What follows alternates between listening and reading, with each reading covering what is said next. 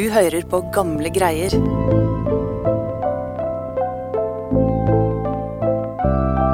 På 1840-tallet fikk norske domstoler en helt uvanlig sak de aldri hadde vært borti tidligere.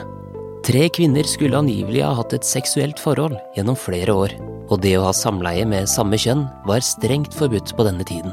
Men utover i rettssaken ble dommerne og fagpersonene usikre på om sex mellom kvinner kunne regnes som sex i det hele tatt. Denne tvilen skulle bli starten på en av de mest spesielle rettssakene i norsk jushistorie.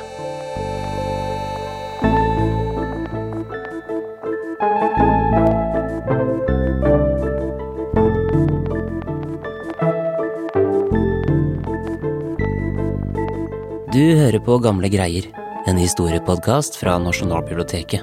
Jeg heter Lars Hamren Risberg.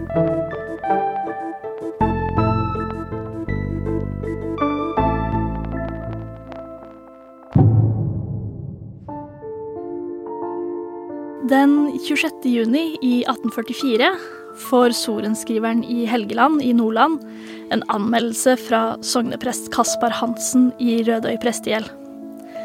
Og denne sorenskriveren hadde sikkert sett mye rart i sin karriere, men innholdet i brevet fra sognepresten var nok noe han aldri hadde vært borti før. Tonje Skjoldhammer, historiker for Skeivt arkiv ved Universitetet i Bergen. Sognepresten han forteller om noe grusomt som skal ha skjedd i, i Rødøy i løpet av mange år.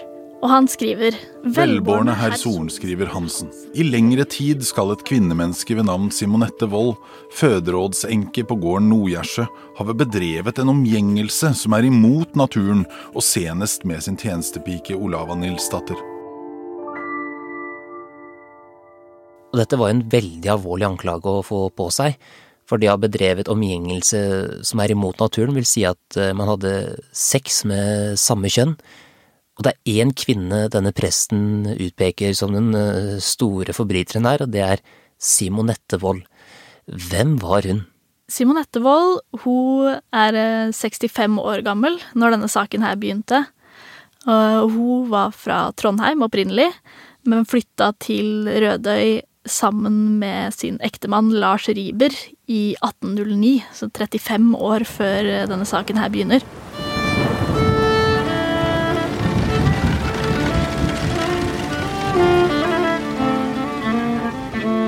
Lars hadde en gård som de bosatte seg på i området, omgitt av vakker nordlandsk natur, havet og fjellet.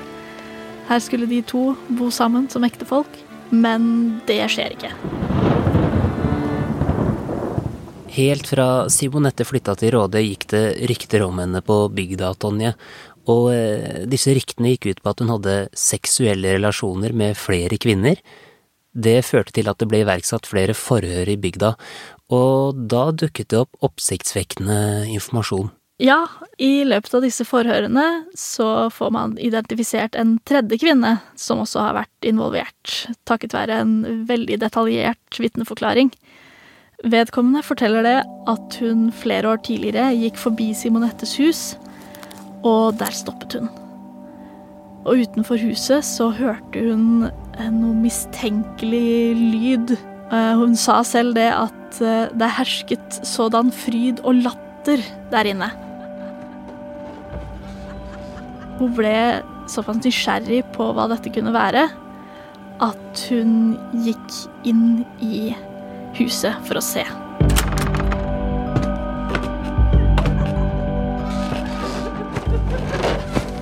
Der inne så hun Simonette og hennes daværende tjenestepike, Birgitte Marie Burin, nakne i samme seng.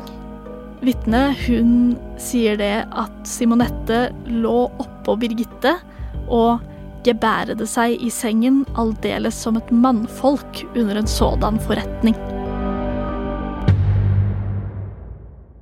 Nå har man jo fått identifisert tre kvinner, og det fører til at myndighetene går til sak, og da begynner rettssaken i 1845 for å bevise at disse har begått omgjengelse som er i strid mot naturen. Ja, og det blir en langdryg rettsgang.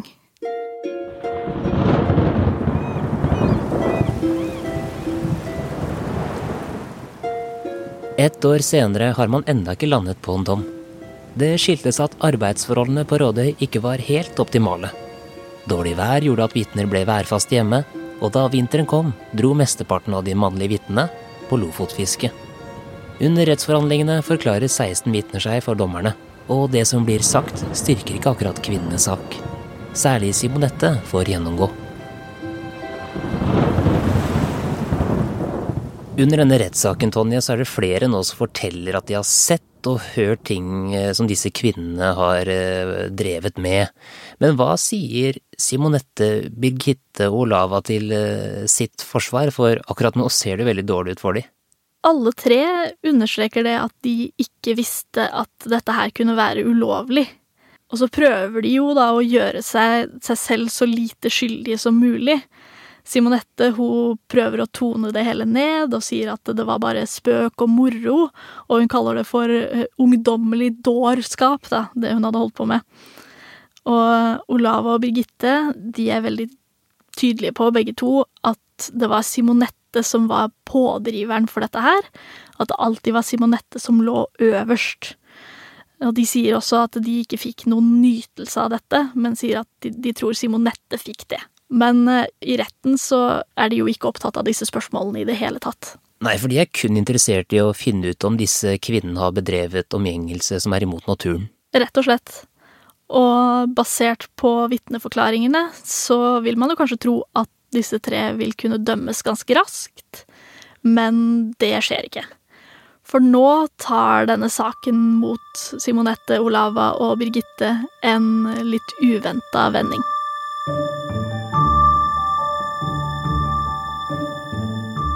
I løpet av rettssaken så blir skyldspørsmålet mer komplisert. Og det er litt usikkert om disse kvinnene kan dømmes i det hele tatt. For det de tre kvinnene innrømmer at de har gjort, det er at de har dasket flatkunt. Og det vil si at de hadde ligget oppå hverandre og gnidd kjønnsorganene mot hverandre. Så de tilstår jo at de har hatt en form for seksuell kontakt, men uh, ifølge standardtolkningen av lovverket så kan nok ikke det helt tolkes som omgjengelse mot naturen. For normalt så vil man si det at omgjengelse mot naturen, det innebærer penetrasjon og sædavgang. Så hvis denne saken hadde omhandlet sex mellom menn, så hadde det nok vært mye lettere å avgjøre skyldspørsmålet her. Men det å daske flatkunt og liksom gni kjønnsorganene mot hverandre, er jo ikke helt det samme. Nei, for alt koker jo ned til om det har vært penetrasjon. Rett og slett. Så hvis Simonette, Olava og Birgitte ikke har penetrert hverandre, så har de ikke hatt omgjengelse eller samleie i det hele tatt. Og da kan de jo heller ikke dømmes for omgjengelse mot naturen. Så da skal de jo i teorien kunne gå fri. Men så hevder jo flere vitner, da, at Simonette oppførte seg som en mann når hun eh, lå med de andre kvinnene, og at det, eh, det skal ha vært eh, en reaksjon fra de andre som også at det var en mann til stede. Og da lurer jo flere på om Simonette har et uvanlig stort kjønnsorgan som kan brukes til penetrering. Dette blir et veldig viktig spørsmål i saken, så derfor så blir det avgjort at Simonette må gjennomgå en medisinsk undersøkelse. Og det er eh, distriktslegen i området som får den jobben ved å undersøke henne. Så han eh, møter Simonette og får henne til å vise fram kjønnsorganet sitt. Og Simonette har jo ikke noe valg, hun er nødt til å gjøre dette. Distriktslegen han gjør en grundig undersøkelse og legger etter hvert da fram sin konklusjon i retten. Det han sier, er jo rett og slett at Simonette ser helt normal ut. Hun har ikke en unormalt stor klitoris. Efter krav av sorenskriveren i Helgeland attesteres herved at den anmeldte Simonette Wold av Røde besitter kvinnelige kjønnsorganer, Ellers har jeg ikke kunnet oppdage noen misdannelse eller sykelig tilstand i disse. Og det gjør det jo mye vanskeligere å få Simonette dømt i retten. Ja, da skulle man jo tro at saken var avgjort. Ikke helt. For selv om Simonettes kjønnsorganer så helt normale ut, så finnes det jo andre måter å penetrere noen på. Og et rykte som flere av vitnene i saken nevner, er at Simonette skulle være i besittelse av det de kaller for en løsfyr. Og hva er en løsfyr? Eh, det, det, kan jo kanskje høres ut som man har en, en ekstra mann på si, eh, men eh, en løsfyr er rett og slett det vi i dag ville kalt for en dildo. Og i rettsdokumentene så blir den beskrevet som en innretning som en mannlig kjønnsdel, som skal være laget av fløyel eller silke. Og dersom det viser seg da at Simonette har brukt noe sånt på de andre kvinnene, så kan det kanskje forandre utfallet av denne saken.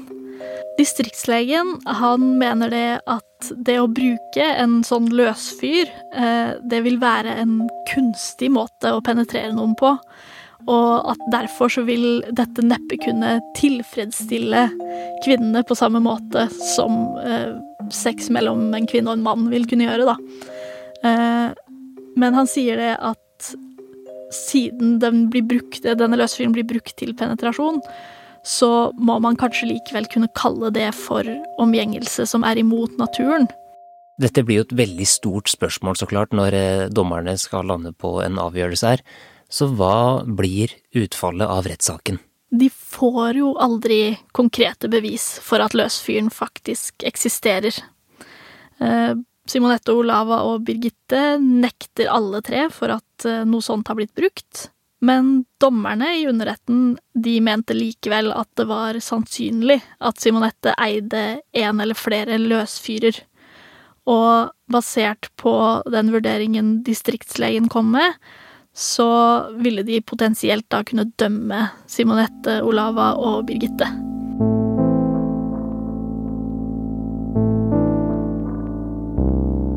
De kommer fram til at det å daske flatkunt, altså det å gni kjønnsorganene mot hverandre, ikke kan regnes som faktisk seksuell omgang eller omgjengelse. Eh, og siden de ikke klarte å bekrefte at penetrering faktisk hadde funnet sted, så kunne ikke kvinnene dømmes for omgjengelse mot naturen. Men eh, dommerne fant en slags mellomløsning så det de dømmer kvinnene for, det er forsøk på omgjengelse mot naturen. Så det de sier her, er jo at kvinner kan ikke ha omgjengelse eller samleie med hverandre. Alt kvinner kan gjøre, er å forsøke å ha samleie. Og Simonette hun får ett og et halvt års straffarbeid på tukthus mens Olava og Birgitte får 15 dagers fengsel på vann og brød. Og slik kunne saken ha endt, men dommen ble anket av både Simonette, Birgitte og Olava. De gir ikke opp. Nei, de gir ikke opp. Og saken den ankes og går videre til stiftsoverretten i Trondheim i 1847.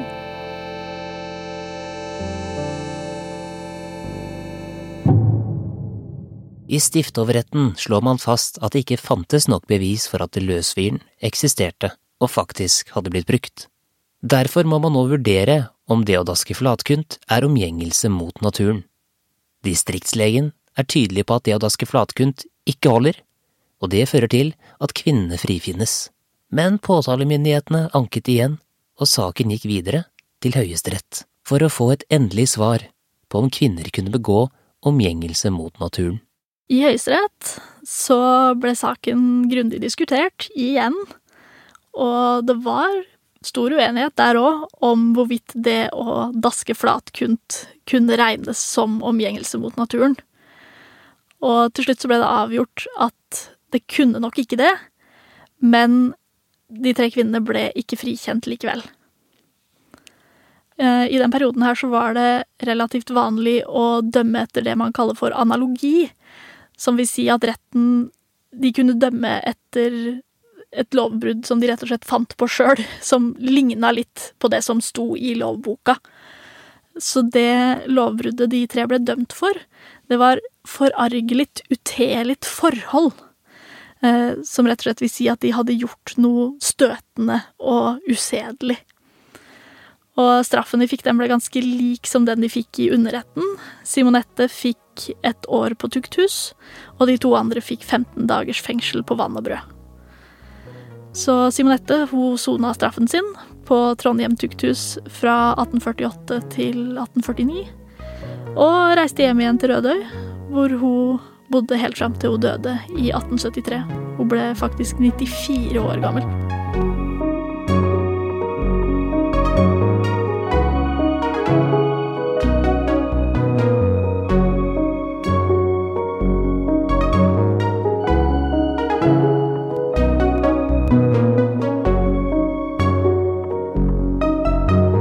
Musikken du hørte i denne episoden, er fra Epidemic Sound og Therese Aune. Du finner mer av Thereses musikk på thereseaune.com, eller der du strømmer musikk til vanlig. Mitt navn er Lars Hammeren Risberg. På gjenhør.